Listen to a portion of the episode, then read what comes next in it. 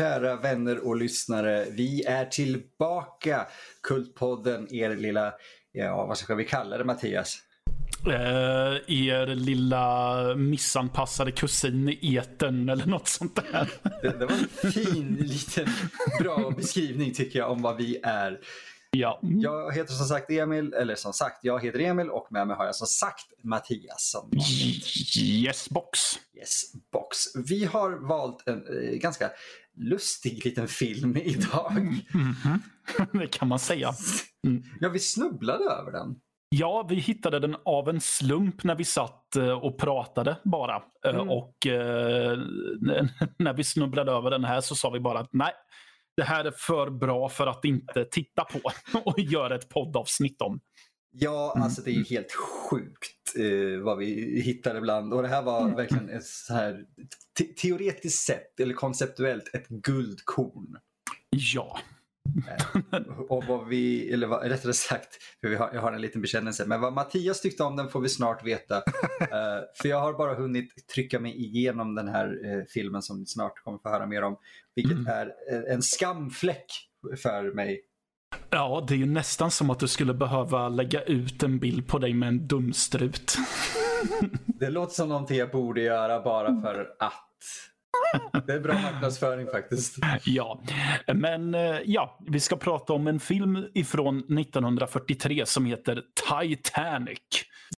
Det vill säga det är uh, några år innan James Cameron gjorde sin film i alla fall. Um, det var som... Vad gör den speciell Mattias? Uh, jo, det är, ju att, det är ju att den är tysk. Och 1943 är ju för er som kan, har koll på årtal, det är ju mitt under rådande andra världskrig. Hoppsan. Ja, och det här är ju då en tysk propagandafilm. Eh, om, sjunk, om när RMS Titanic sjunker och är bland annat producerad av ingen mindre än eh, Josef Goebbels heter han va?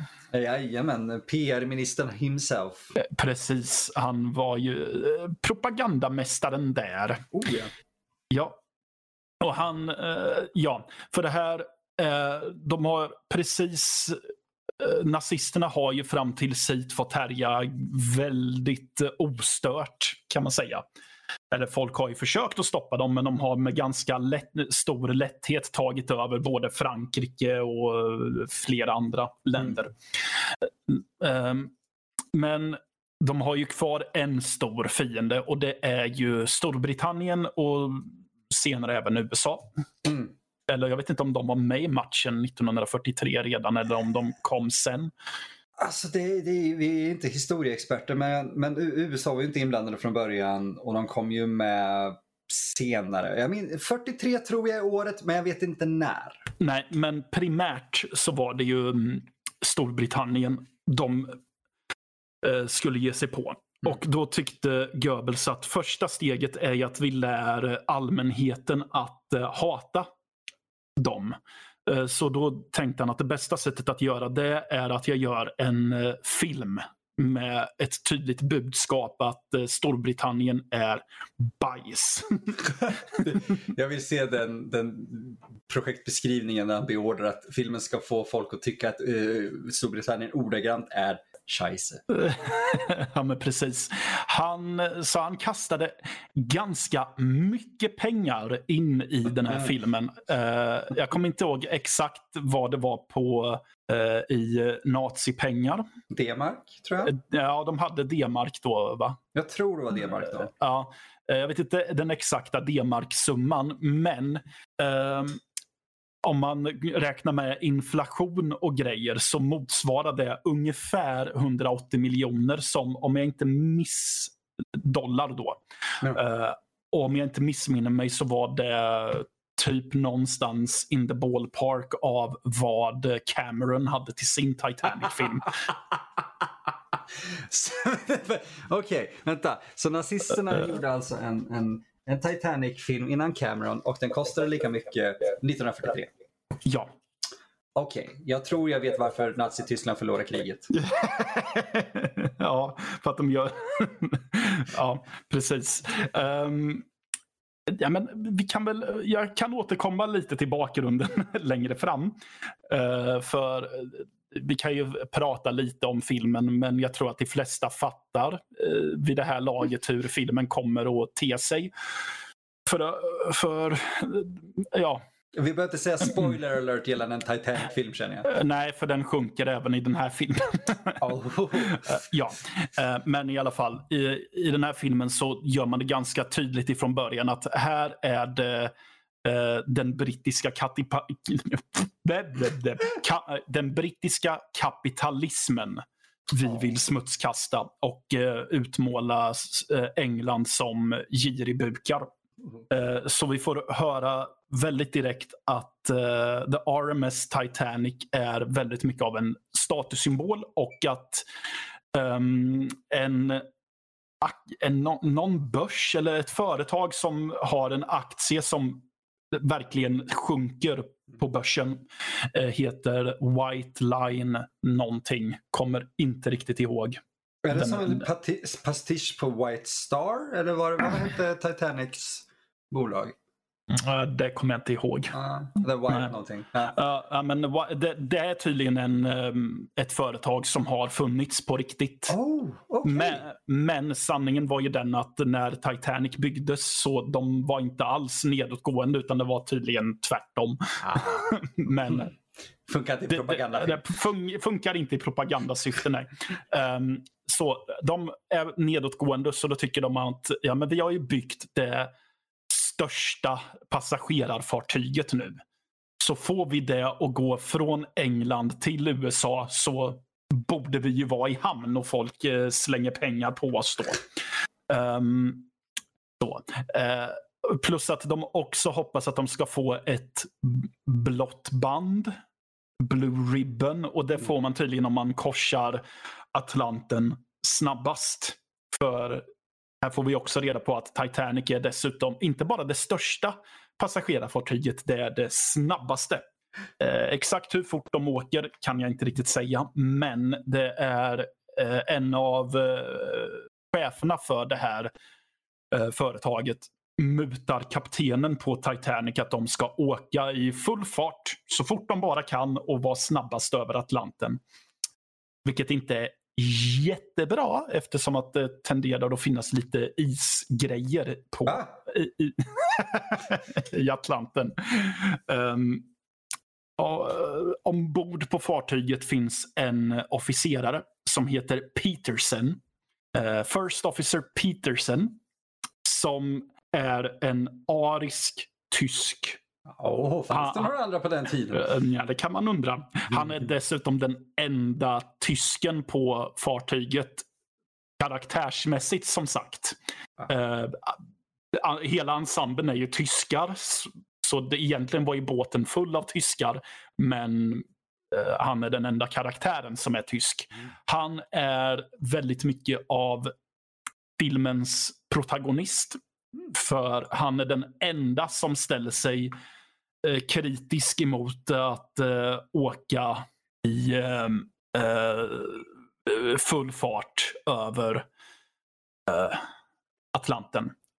Och jag hoppade in på trivian lite snabbt här och då kan jag se här att du hade rätt. White Star Line hette, White Star Line, okay. White Star Line hette företaget. Det är de som vill få Blue Ribbon och allt det där. Och jag hittade även budgeten här. Oh. Eh, det var fyra miljoner Reichmarks. Oh, okej. Okay. Ja, ja, Det var ju inte Deutschland ja, än. Nej, nej, precis. Och det var 180 miljoner dollar i 2012 dollar. Helvete. Och det är bara 20 miljoner dollar mindre än Camerons Titanic. Herregud. Ja. Uh, nej men, och tysken är den enda som försöker få dem att sänka hastigheten och tycker att eh, alla är dumma i huvudet och att vi ni ser inte till passagerarnas bästa. Vi har, dess, vi har dessutom för få livbåtar, men ingen bryr sig. Sen så sker tragedin och uh, ja. Tragedin är ett faktum. Tragedin är ett faktum och jag, jag, vet inte mycket mer man behöver säga om det för det finns lite uh, plotlines med några av karaktärerna men det inget intressant. Det som är, okay, det som är intressant då, som jag kan fråga dig, eh, är anledningen till att Titanic sjunker densamma som i verkligheten att de kraschar in i ett uh, isberg av misstag eller är det en konspiration? Det, de kraschar in av misstag. Helvete, det hade Och varit li-. Och lite för att de...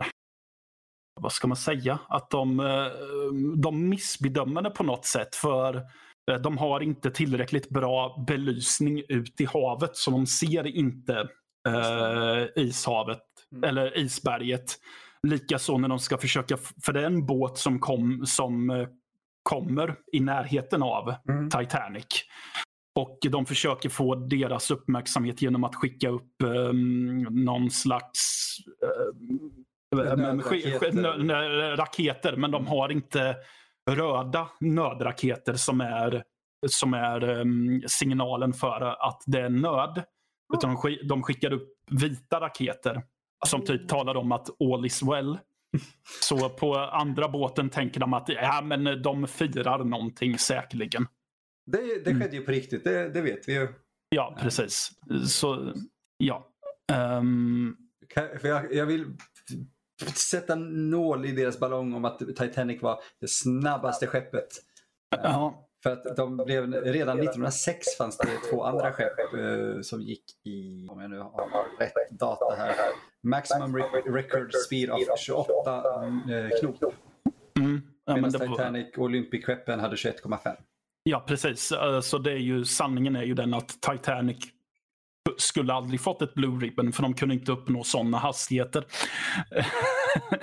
Jag försökte hitta vad eh, fartyget heter. För det, eller vad det hette på riktigt. eh, Det som får figurera som Titanic här. För det är ju det som är grejen att det är ju ett tyskt militärfartyg tror jag att det är. Eller det är ett tyskt eh, fartyg Mm. som användes av militären som de spelar in Titanic på. Mm. Um, vilket inte var superbilligt. Eh, han var, de filmade ju dessutom när de var till sjöss eller ute till havs emellanåt. Uh, vilket inte var, var superbra under tiden de filmade när det var natt. Och hade en jävla massa lampor igång. Hej, vi är Eh, ett levande mål. Ja, precis. För man ska ju fortfarande komma ihåg det att det, är det, är, ett krig som härjar eh, under tiden här. Så de hade nog bara en jäkla tur att det inte var något fiendeflyg som såg att "Hör, där har vi ett fartyg. Nu bombar vi det. Det blir Ehm, fantastiska scener. Ja, tyvärr så var det ju ett lik, en liknande grej som skedde med det här fartyget på riktigt. Mhm. För eh, ja, att det vart bombat. Oh. För eh, det var vid... För det var, det var beläget vid Lübeck, vid den Mm. kusten. Och eh, Det här var 1945 då tyskarnas koncentrationsläger började stängas ner på grund av att de faktiskt upptäcktes. Så då var det från något av alla dessa läger så var, vart de lite desperata så de eh, flyttade så tyskarna flyttade ombord alla på just det här fartyget som jag inte hittar namnet på. Och för, eh, förvarade eh, fångarna i det fartyget och lät dem överleva på egen hand medan det bara var ute och flöt. Åh helvete. Ja, tyvärr så var det, jag tror att det var ett brittiskt flyg som eh, flög och bombade. Och ja, bombade då bland annat eh, det här fartyget. Eh, ett gäng av de få överlevare som försökte simma i land vart eh, kulspruteskjutna av tyskarna på stranden. Ah, nej. Mm. Fan vad tragiskt. Ja, så jävla tragiskt. Ah. Ja, Ehm, ja. Nej, men som sagt, ni har koll på det. De, de kraschar med ett, eh, med ett isberg och båten sjunker. Säkert ett amerikanskt. Ja, och de försöker dela upp um, passagerarna enligt kön. Eh, Kvinnor och barn och män. Mm. Eh, så, för att kvinnor och barn ska ner i eh, livbåtarna först. Men det blir ju en eh, lite upplopp för att folk kan inte hålla sig i styr och vill inte dö och allt vad det heter. Ja, precis. Det var som dock är lite... Jag vet inte om man om eh, det här skulle ske på riktigt. Nu hittade jag vad skeppet heter. Det heter Cap Arcona. Oh, okej. Okay. Oh, um, ja, uh, för när alla livbåtar är nere i havet uh, så säger kaptenen till sina, till sina officerare att ja, ni, har ni, ni har utfört er plikt till punkt och pricka. Nu är det var man för sig. Wow. Ja. Likaså han går till eh, några passagerare. Han tittar ner på dem och, och typ skriker att alle man för sig. och alla får ju panik och börjar springa och putta varandra och greja. Jag tänkte att skulle man göra så på riktigt i rådande nödsituation? För på, för på ett sätt känns det oansvarigt men å andra sidan de är ju dödsdömda eftersom att det inte finns några fler livbåtar. Så... Det var en bra fråga faktiskt. Mm, ja. För, för, för, det känns ju lite som så här, ja men vi kan få eh, de brittiska kapitalisterna att se ännu dummare ut för att de inte vet hur man ska hantera en krissituation. Mm. Sen vet jag inte om det kanske skulle gå till så. Ja, för det, det, är ju också en grej att det, det, det, hade ju gått hand i hand med deras propaganda att smutskasta britterna om eh, officerarna hade varit inkompetenta. Mm. Men de, verkar, de, de är allt annat än inkompetenta här utan de hanterar just eh, det här med att hantera besättningen väl. Okej. Okay. Gör de. Mm. Eh, så. Um, mm ja, om man ska mm, förkovra sig lite i, eh, i eh, bakgrunden då. Mm. Som sagt. Uh, Goebbels ville göra den här. Han la jättemycket pengar i uh, den här produktionen. Som sagt, det var 4 miljoner Reichmarks. Ja, fan, låt oss kalla det för vad det ja. var. Det var naziguld. Ja, det var jättemycket. Alltså det var galet att lägga så här mycket pengar på en filmproduktion på den tiden. Ha, ha dessutom i åtanke återigen att det är ett världskrig som råder. Plus att tyskarna har gjorde ungefär samtidigt som den här filmen gick in i produktion så inledde de operation Barbarossa, vilket var tyska invasionen av Sovjetunionen. Det behöver man ju inte pengar för. Nej, definitivt inte. Och han använde ju militärpersonal ombord på The Cap Arcona som spelar ett gäng av karaktärerna i filmen. I helvete! Va? Ja. Fokusera krigsmarken Goebbels för helvete, eller makten för helvete Goebbels. Ja, och eh, alltså eh, filmen gick väl eh, okej okay, antar jag. Men... Det var inte blockbuster? Eh, nej, men alltså jag menar under tiden de filmade den. Oh. Eh, det, det gick väl, men det var eh, regissören sen som heter, eller som hette Herbert Selpin.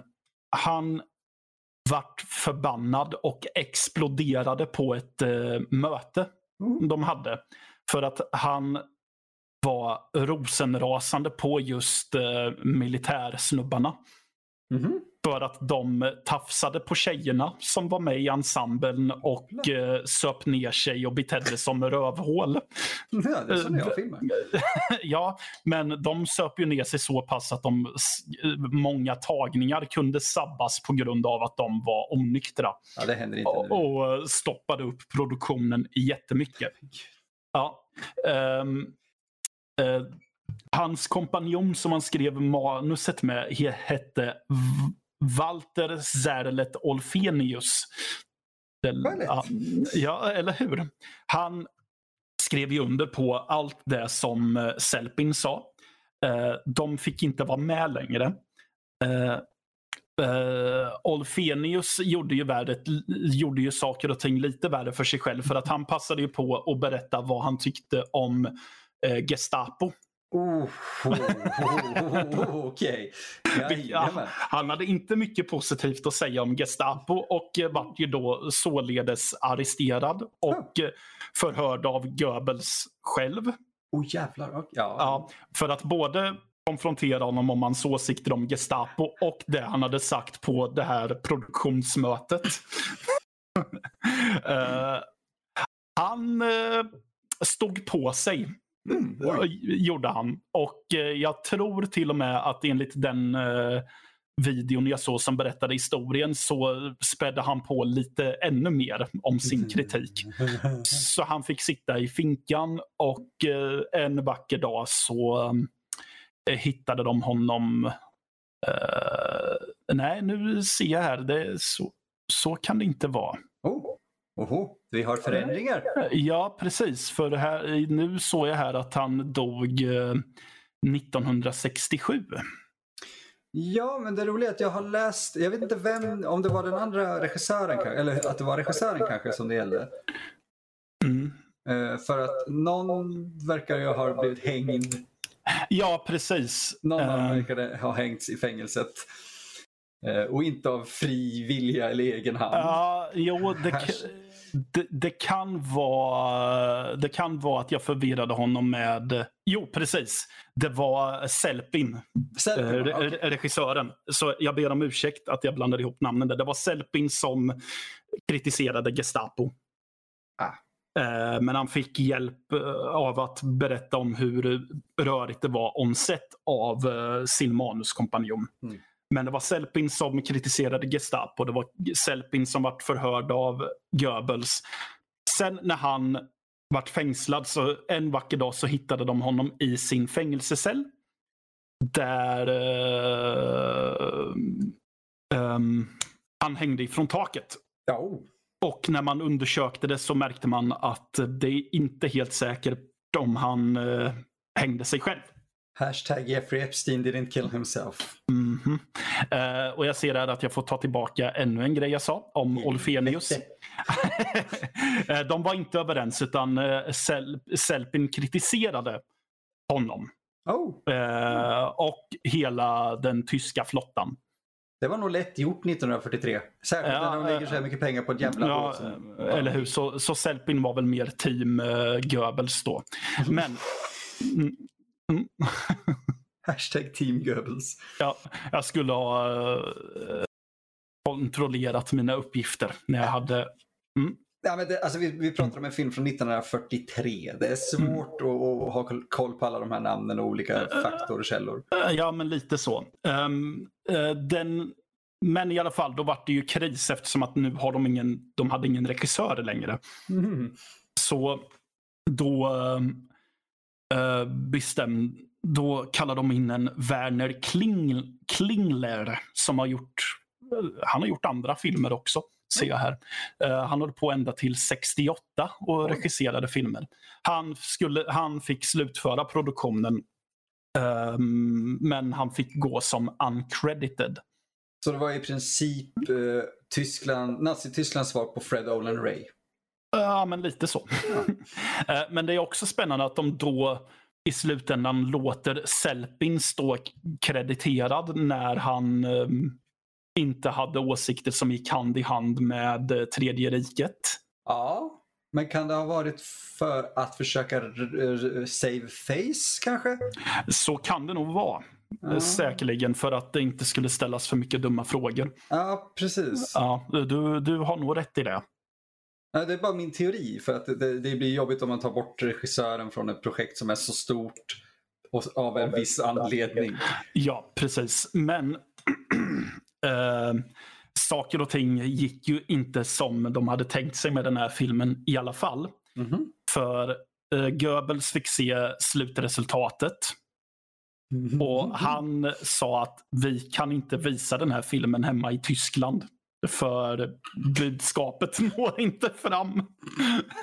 Jävla kritiker. Så, så filmen visades inte ens för den allmänhet som de hade tänkt att visa den för ifrån början. What? Ja, de visade dock eh,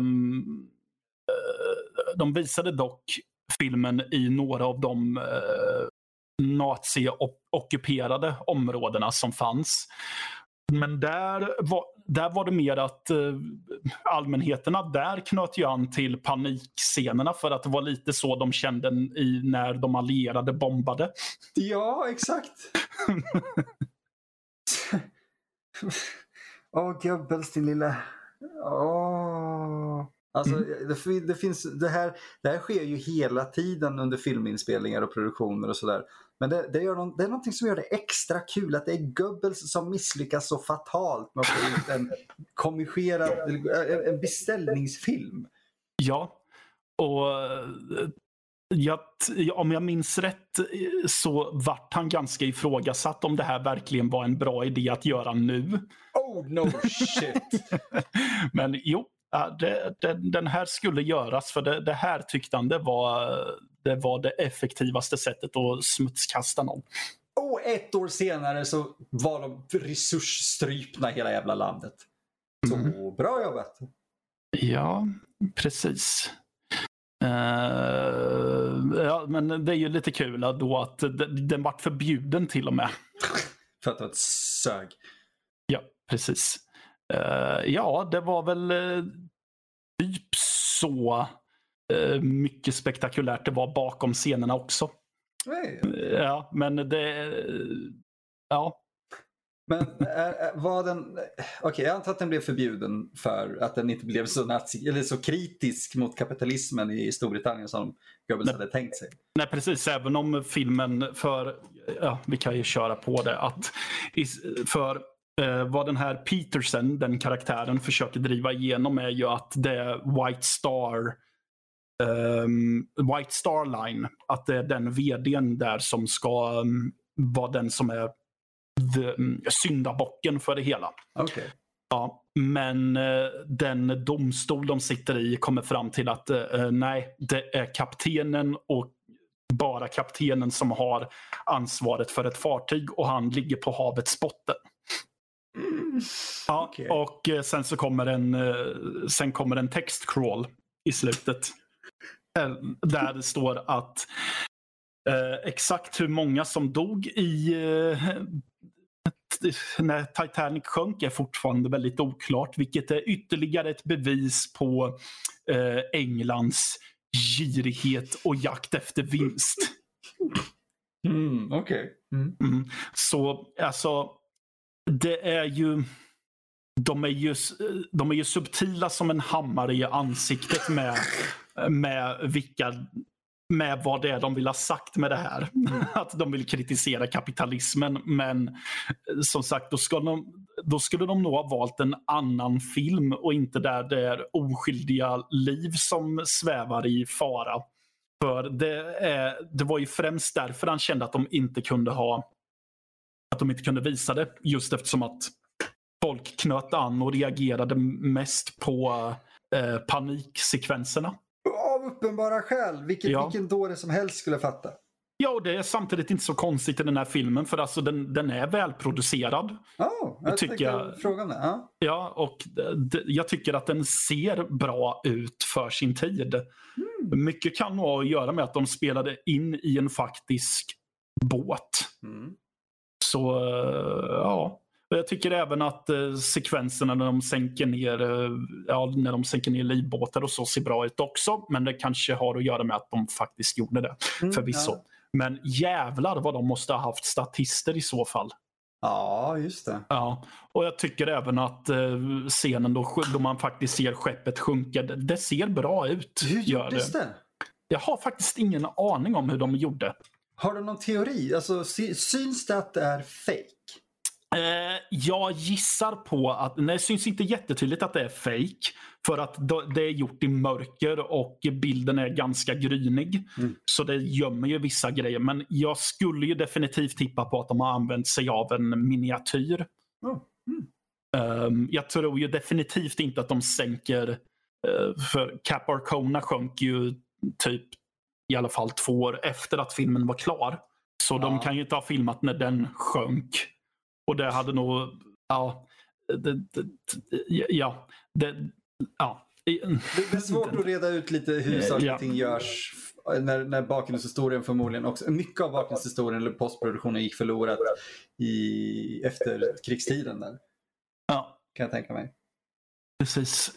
Um, det står faktiskt inte, uh, uh, jo, de använder sig av en modell. Nu okay. blir det lite skolengelska här. The model sequences were shot at night on location at a lake outside Berlin. Bad weather and malfunctioning electronics on the model uh, held up shooting and because the cameras had to shoot at a rate of 100 frames per seconds rather than a standard 24 the production kept running out of film stock. Oh, no fucking shit Sherlock Holmes! fucking 1943 och filma i slow motion din dumme. ah, det var ju... Okej. Okay. Oh, ja. krig, krigsmakten får vänta, jag behöver filma färdigt min film. Har vi mer film och pengar? För vi måste sänka skiten.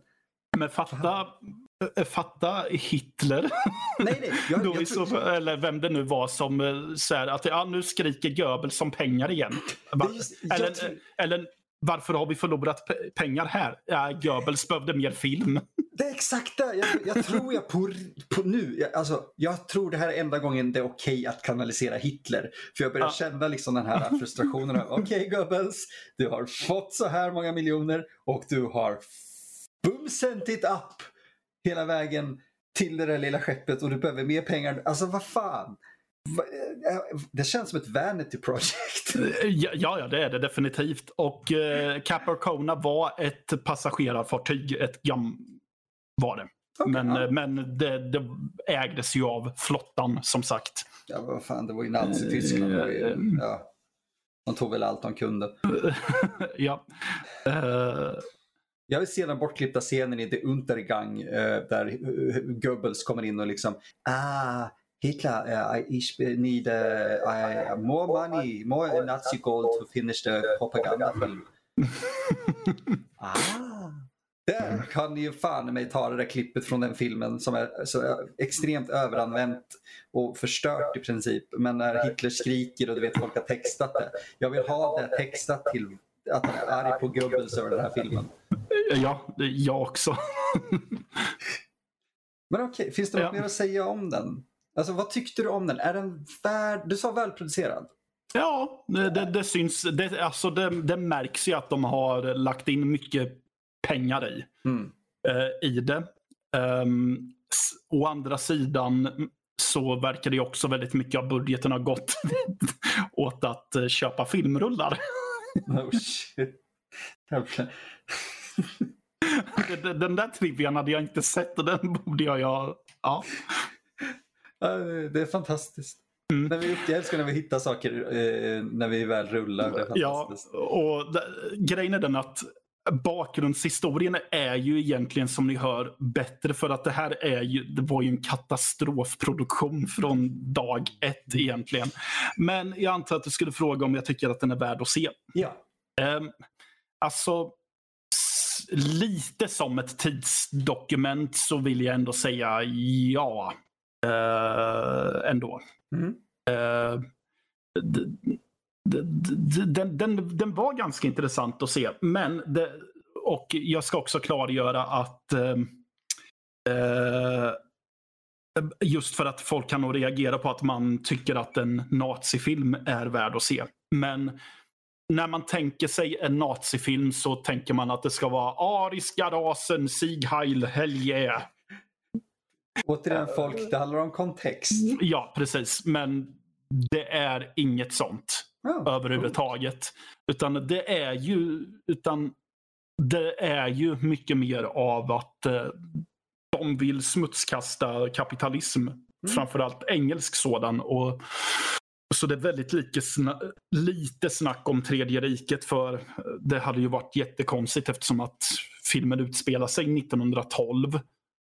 Just eh, eller när det nu var. Så det hade varit jättekonstigt. Ja, alltså. Mm. Men ja, alltså. Man, man, förstår att de valde Titanic-katastrofen som, som uh, ramverk för att göra en sån här film. Ja, så alltså lite som ett Ja, men jag säger det igen, lite som ett tidsdokument. Mm. Lite som en ja, men, eh, kul grej kanske är lite fel att säga, men lite av eh, filmhistoriskt intresse skulle jag väl säga. Ja, men man kan väl titta lite på det som de filmerna som kommer typ 20 år efter de här nazi-exploitation-filmerna lite mer.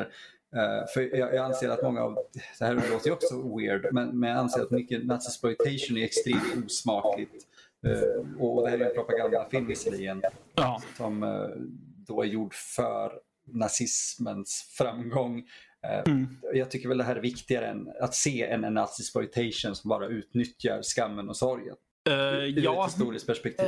Uh, jo, precis. Alltså, mm, nu, nu händer det ju att jag tittar på nazi-exploitation ibland. Det är inget fel men, det. Det är, det är liksom bra att driva med nazism. Men... Ja, det, det, är det. Men jag kan förstå att det blir lite... Att det är ju det osmakliga som tar uh, överhand där. Men ja, det här blir på ett annat sätt. Man kan eh, sitta och skratta åt den lite så här. Kommer du ihåg när de försökte smutskasta England och gjorde det där? Precis. Ja. För, ja. Eh, mm. det, har du något mer att säga om den? För det finns en ganska intressant grej om tysk nazipropagandafilm. Uh, nej, jag har inte så mycket mer att säga om den. Okej, okay, mm. nej. Mm. För, för jag som sagt såg den ju inte så Eh, jag försökte komma på vad skam heter på tyska, men det gör jag inte. Så skam och... Är det inte typ skam eller något sånt? Skymf. Skymf. Skymf om misch. Mm. Uh, därför att uh, nats, eller rättare sagt propagandafilm i krigstider är ju extremt viktigt. Det vet vi alla. Uh, och mm. Tyskland har alltid egentligen varit väldigt framstående inom film och konst och sådär. Uh, Schande. Chande. Chande, okej. Okay. S-C-H-A-N-D-E. De gillar fan med SCH. De jävlarna, de gör verkligen det. Ja. Chande. Chande, sa Google nu. Chande, okej. Okay. Mm. Då, då, vet vi det. Mm. Uh, för uh, nej men det här nazipropagandafilmerna och allting är rätt intressant att titta på egentligen. Titanic var inte en av dem som jag läste om. För att det jag har gjort är att ha läst väldigt mycket om uh, just filmer från den här eran i Tyskland. Mm. Uh, och jag har lärt mig enormt mycket och blivit påmind om en särskild regissör faktiskt. Okej. Okay. Som är, det här kan ju också bli en kontroversiell grej, men det var ju en sån där regissör i Nazityskland som gjorde väldigt mycket nazifilm som var en extremt framgångsrik och skicklig regissör. Mm. Dessutom en av de få och första kvinnorna som ha. hade enormt mycket konstnärlig kreativ frihet och kontroll. Okej. Okay. I Nazityskland får vi ju tillägga det med en liten asterix. ja. Uh, hon hette Leni Reifenstahl. Okej. Okay. Hon, uh, ja, hon är väldigt känd för Triumph of the Will från 1900, nej, jo, 1935. Mm. Och det här är ju då innan andra världskriget. Det här är ju Eh, i, i princip upptakten till det. kan man mm. säga. Det här, det här är ju då fortfarande då, om min historik inte är helt off, det här är innan eh, allting börjar gå åt helvete egentligen. Eh, mm. Okej, okay, lång, eh, de långa knivarnas natt och allting sker ju. Judehatet finns där. Eh, men, men Tyskland har börjat så här återuppbyggas efter första världskriget. Nazi-Tyskland eh, och Hitler och nazipartiet rättare sagt gör fortfarande någonting för landet som inte är allt för jävla vidrigt. Sen kommer ju Långa krigens natt och eh, eh, Kristallnatten och allting. Och man började liksom behöva försöka få folket med sig på sin sida. Triumph of the Will är en av de här filmerna som eh, definitivt är värd att se som en eh, historiskt viktig film.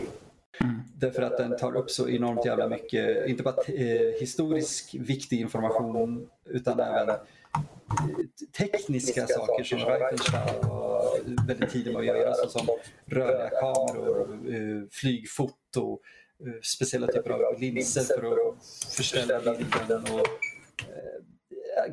de beskriver det som en revolutionär eh, approach till att använda musik och eh, kamera i berättande. Mm. Eh, och den anses vara en av världens främsta propagandafilmer. Det här, okay. det, ja, det är så förbannat fascinerande tycker jag. Ja, men där har vi en som faktiskt hade påverkan på filmhistorien. För att du nämnde ju det, den revolutionerade mycket. Mm. Ungefär som att uh, uh, det gjorde ju en film som heter Birth of a Nation också.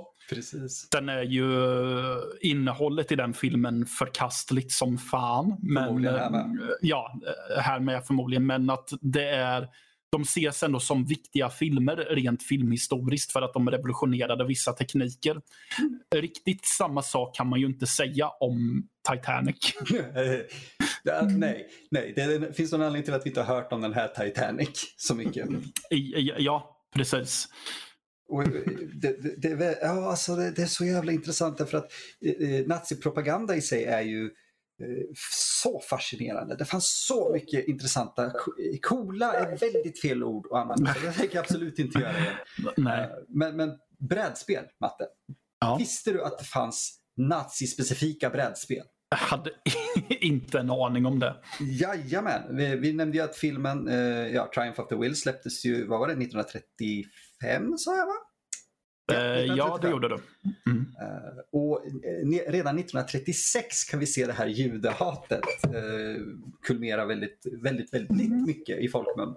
Uh, det är nämligen med brädspelet Juden raus.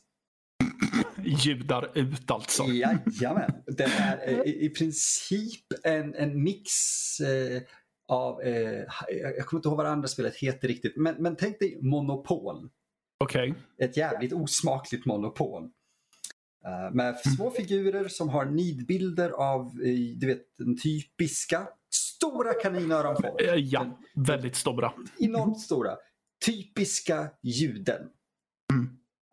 och Man ska helt enkelt rulla en tärning och, och man ska röra sina judar över kartan fram till samlingspunkter. Uh, utanför sitt, stadsväggarna för att skicka dem till Palestina. Och, wow! och, och det, det, som är så lite kul är att det är ju självklart propaganda men det var också en väldigt kommersiell produkt. Okay. Det, för det, ja, det innehåller ingenting, inga referenser till nazis. Nej. Förutom judehatet, men det finns på flera ställen. Det är inte bara nazisterna som är skyldiga för judehat. Uh, nej, nej, definitivt inte. Disney.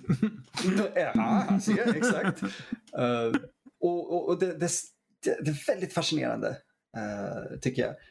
Och 1940, Mattias, vet du vad som kom då? nej. Ja, då får vi tänka, nu är vi inne i krigstiden. Ja. Ja, Bomber über England. Vad kan det handla om? Jag antar att man ska flyga bombskepp och bomba England. Helt rätt. Mm. Men det är ett pinball-typ av spel. Flipperspel. Okay.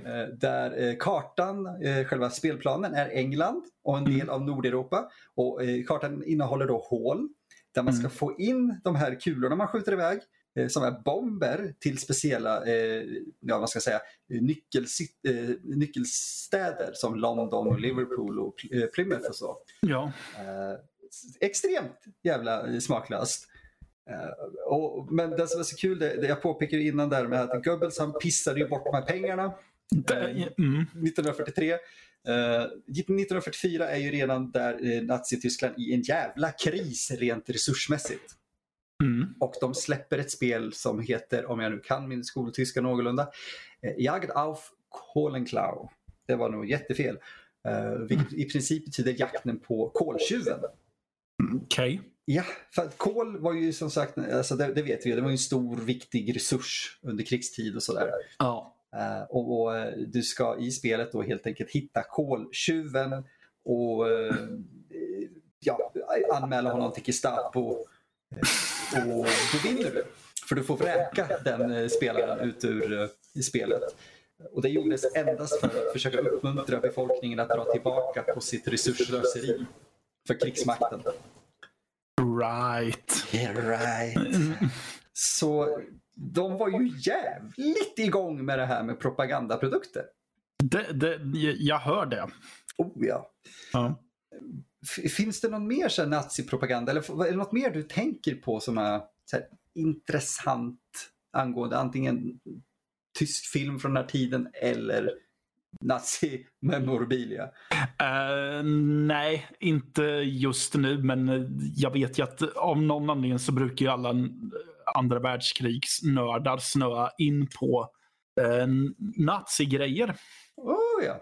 Uh, vilket är intressant ändå. Som många som tycker om krig. Jag har en kompis som är andra världskrigsnörd. Han tycker om stridsfartyg. Mm. Hans favorit är ju Bismarck. Oh. Som var ett nazifartyg. Just um, vilket inte är för att han tyckte att na nazisterna var fräcka utan han tyckte att själva fartyget Bismarck är ett jävligt fräckt fartyg. Ja, men man får, det är där man får titta lite på också vad man kan ju tycka att någonting är jävligt fräckt även om det var fruktansvärt. Jag ja. ju, alltså, men, fan, folk som är krigsfantaster eller sådär. Ja. Men jag funderar på om det har att göra med, för låg inte Tyskland till viss del i alla fall i, lite i framkant när det gällde militärprylar. Militär under, och, och, och, ja, ja. Militär och film. Ja, De var precis. jävligt i framkant. Ja, så det, jag tycker inte att det är så konstigt att man snöar in på tyska krigsgrejer från Nej. andra världskriget. För att det var de som... De pushade teknik. Ja, de för var... de ville ju vinna. De, ville, de, ja. de hade ju en äcklig motivation. Men det ledde ju också till den tekniska utvecklingen. Ja, Tittar precis. vi bara på Manhattan Project, hur många tyskar var inte inblandade där? Mm, mm, mm, ja. Jag säger så, okej. Okay. Ja. Einstein. Precis. Han var inte nazist men, men, men... men han var tysk. Ja, precis. Det finns, liksom, det finns en anledning. Ja. Mm. Ja, nej men ja, det finns inte så jättemycket mer att säga om, eller jag har inte så mycket mer att säga om propagandagrejer och har inte så mycket att säga om den här filmen egentligen heller. Nej, alltså vi valde ju den lite grann just för att Nazi Titanic, kom igen, hur jävla roligt ja. låter inte det? Nej men precis, alltså även om innehållet i filmen inte skulle varit så intressant så är den ju intressant att prata om. Eh, ja. Av just den anledningen att det är en eh, tysk propagandafilm från andra världskriget. Exakt, och det fanns mm. ju många propagandafilmer men, men just Titanic, det är, det är ett sånt slag i njuren. Ja, precis. Jag såg en video som tycker att den här videon som tar upp um, han heter Professor Jerkington om någon vill in och titta på Youtube. Uh, så kan ni, jag rekommenderar att man ser den här videon även om jag tagit upp lite av det han tar upp där.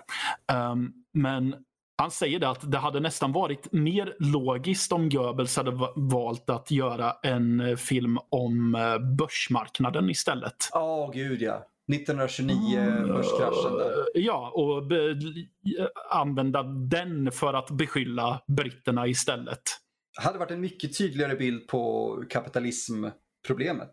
Precis. För här blir det jättekonstigt och som sagt Eftersom att det är många oskyldiga liv som riskerar, äh, som är i fara. I, framåt slutet av filmen så tenderar det att vara det som stjäl fokus. Det är så weird för mig för att det är så uppenbart när du säger det och jag undrar om Goebbels insåg det när han såg filmen och bara fuck.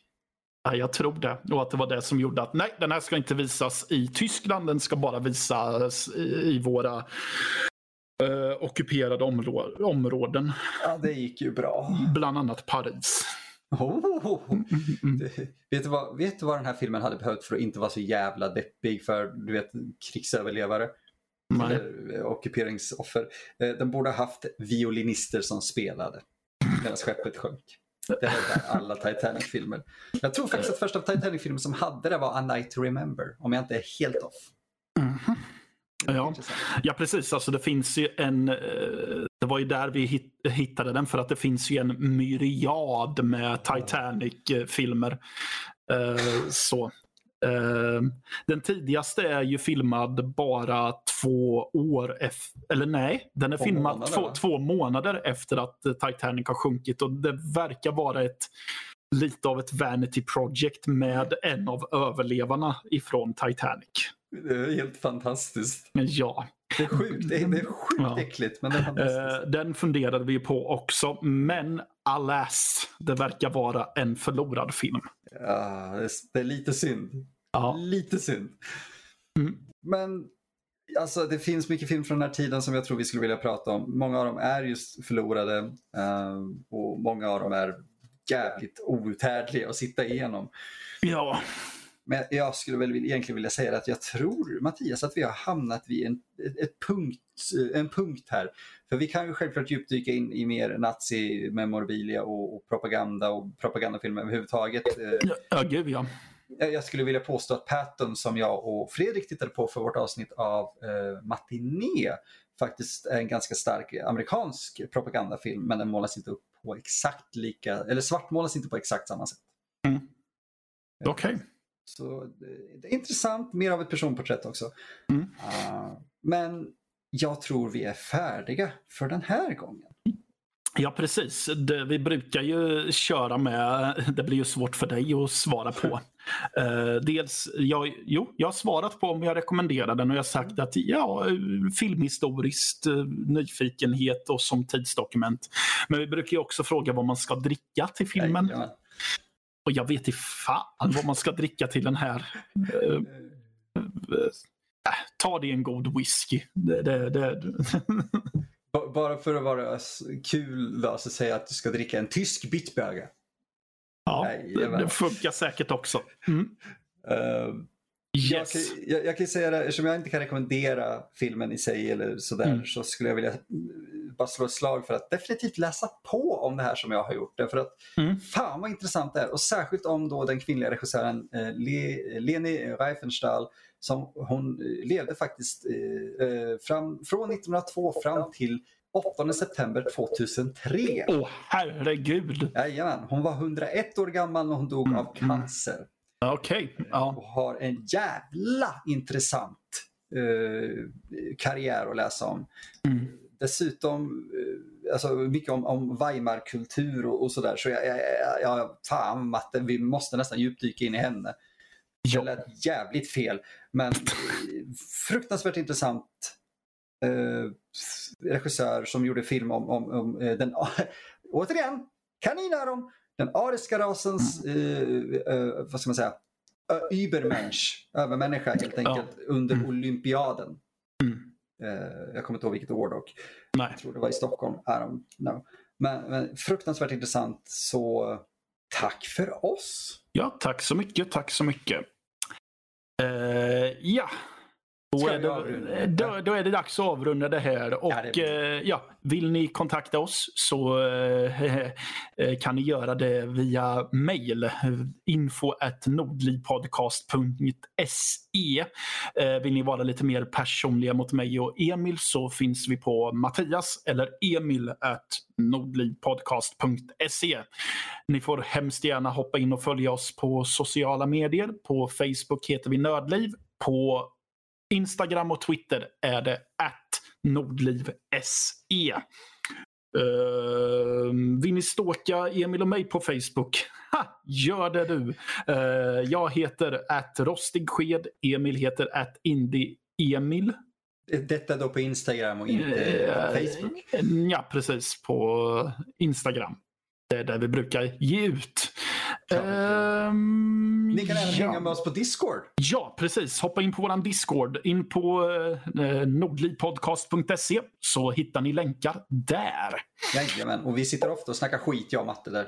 Ja, så eh, häng med där. Det är kul. Det finns, eh, det finns eh, kanaler för filmdiskussioner så det är bara att diskutera kult med eh, eh, resten av folket. Jajamän. Eh, jag- Patreon. eh, ja. Jag skulle också påminna att vi har en Patreon. Eh, Patreon.com slash Nordliv tror jag att det är eller något sånt. Men jag tror att ni hittar den via hemsidan också. Eh, det finns om ni väljer att betala 5 dollar så finns det lite gottigheter att eh, mumsa i sig. Bland annat så finns det Patreon-exklusiva avsnitt med Kultpodden. Ah! Ja. Och eh, jag tror att det luktar eh, watchalong eh, om, eh, inom en snar framtid också. Ja, fy fan. Ja, men vill ni veta exakt vad det är så ja, då får ni väl överväga att bli Patreons helt enkelt. Det är en bra sale point, Matte. Ja, Eh, det skulle vi uppskatta jättemycket. Ja, och, eh, men vi uppskattar även när ni lyssnar och eh, det, baspodden kommer vara gratis för den som vill lyssna hela Ja, tiden. givetvis. Absolut. Precis. Men vi hörs om två veckor igen. Ja, det gör vi. Ja, ha det bra Emil. Ja, det var Matte. Ja. Ja. He- Hej då, hej då.